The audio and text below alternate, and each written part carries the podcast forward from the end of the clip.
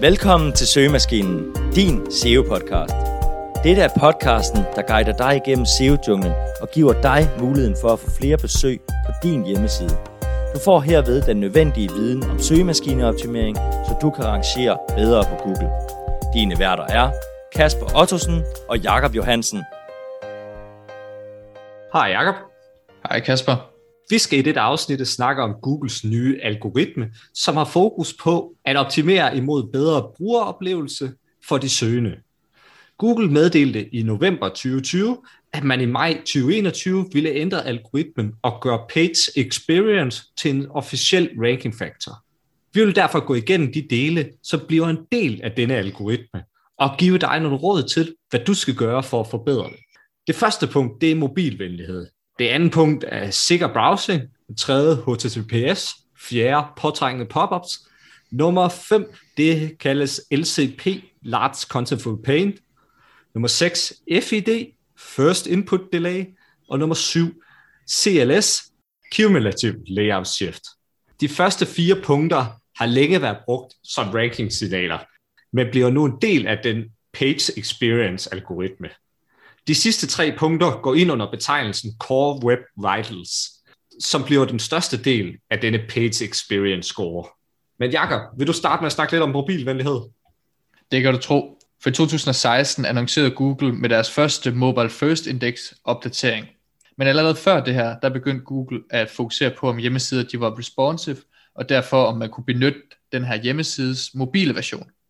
John Müller, han annoncerede så her i oktober 2020, at man fra i marts 2021 gik over til mobile only indeksering. Og det betyder, at hvis du har noget på din desktop version, som du ikke har på din mobil version, så vil det ikke blive indekseret.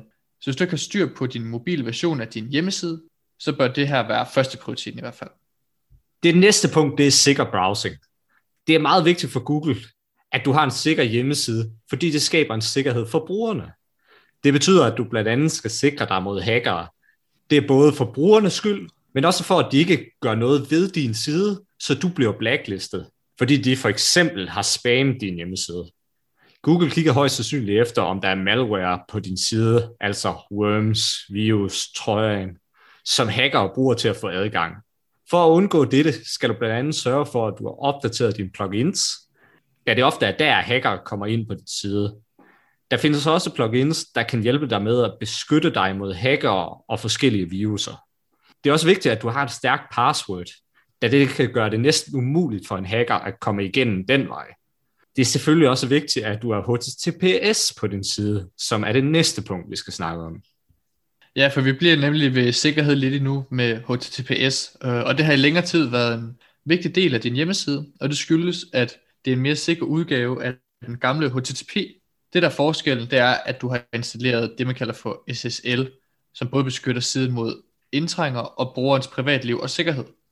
Derudover så giver det også en indirekte effekt, da Google viser i browseren, om siden den er sikker, og derfor vil mindske din bounce rate på din side, da Google Chrome for eksempel også fortæller, når siden ikke er sikker, og derved højst sandsynligt vil føre til flere bounce. Det er næste punkt, det er påtrængende pop-ups. Siden 2017 har Google sagt, at man kan miste ranking juice, hvis man har en form for påtrængende pop-up. Det kan være svært at definere, hvad en for påtrængende pop-up er. Grundlæggende er det nok en pop-up, der stopper dig for at scrolle og giver dig en dårlig brugeroplevelse. Det der gælder især på mobilen, hvor pop-up er meget mere påtrængende end på desktop. Så undgå pop-ups, der fylder hele skærmen og generer brugeren, især på mobilen. Det næste punkt, det er det, man kalder for LCP, altså Largest Contentful Paint.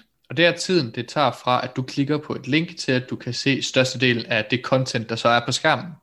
Og det har altså fokus på, hvor hurtigt du kan loade dit content, så du kan begynde at interagere med det. LCP vil i høj grad være påvirket af, hvor meget data, der skal hentes, og vil derfor påvirke, hvor tung din side egentlig er. Der er nogle forskellige ting, du kan gøre, og det er blandt andet at fjerne unødvendige third-party scripts. Det kan være, at du skal opgradere til en bedre webhost, du kan installere lazy load, du kan fjerne store elementer, såsom billeder for eksempel, eller i hvert fald komprimere dem. Og så kan du også foretage en minificering af dit CSS. Det næste punkt, det er FID, First Input Delay. Det er den tid, det tager for brugeren, før de kan interagere med siden. Det kan være at klikke på menuen, indtaste din e-mail i et felt eller klikke på links på siden. Google mener, at det der er vigtigt, da det påvirker brugerens oplevelse af siden. Det der er ofte ikke et problem for en blog, hvor man bare har en masse tekst, hvor det er derfor bare en masse HTML, man skal hente. Det er meget vigtigere på en side, hvor du skal logge ind, hvor der for eksempel kan være en masse JavaScript. Her har vi også lige nogle ting, du kan gøre. Du kan minimere brugen af JavaScript, du kan fjerne ikke-kritiske tredjeparts-scripts og bruge browser cache.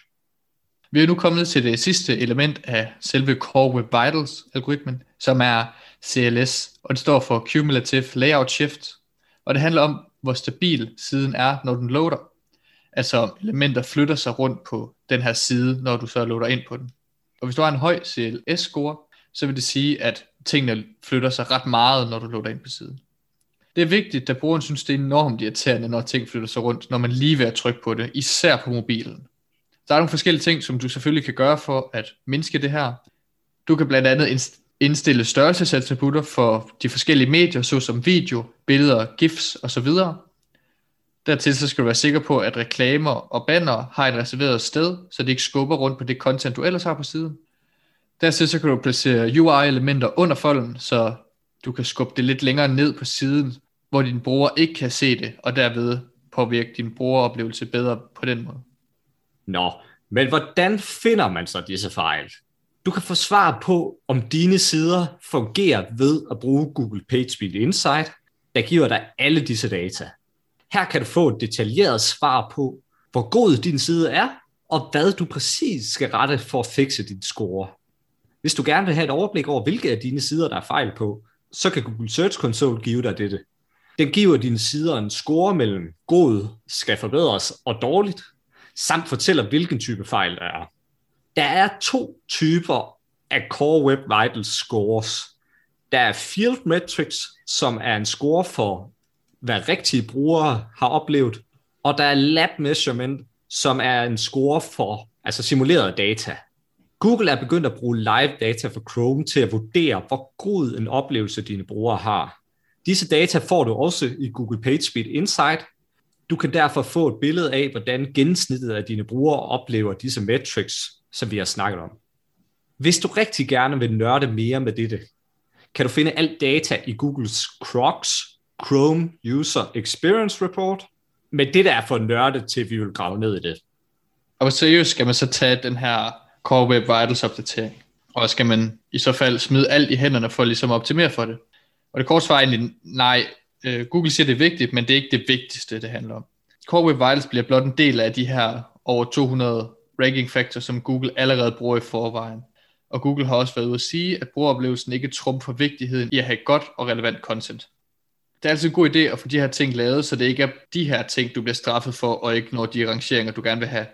Det kan være en god idé at sammenligne dig med konkurrenterne, så man er sikker på, at man i det mindste er på samme niveau med dem. Når det så er sagt, så skal man også have i mente, at Google ikke før ligesom på samme måde har advaret og nævnt andre opdateringer som tidligere, som de for eksempel har gjort her ved Core Web Vitals. Og det kan man så fortolke på flere forskellige måder, for eksempel at det kan betyde, at det er en meget vigtig Google-opdatering for rangeringer. Man kan også fortolke det som om, at Google gerne vil have, at hjemmesider leverer en bedre brugeroplevelse, da det også er i Googles interesse at få nogle gode brugeroplevelser, når de bruger deres søgemaskine. Det var det, vi havde om den nye Page Experience algoritme. Vi har givet et indblik i, hvor vigtigt det er, at din side er mobilvenlig, og din hjemmeside skal være sikker. Du skal også forsøge at undgå påtrængende pop-ups. Derudover skal du have fokus på Core Web Vitals og sikre dig, at siden loader hurtigt, brugerne skal hurtigt kunne interagere, og din side skal være stabil, når den loader.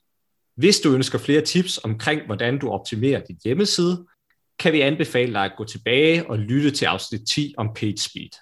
Tusind tak, fordi du lyttede med.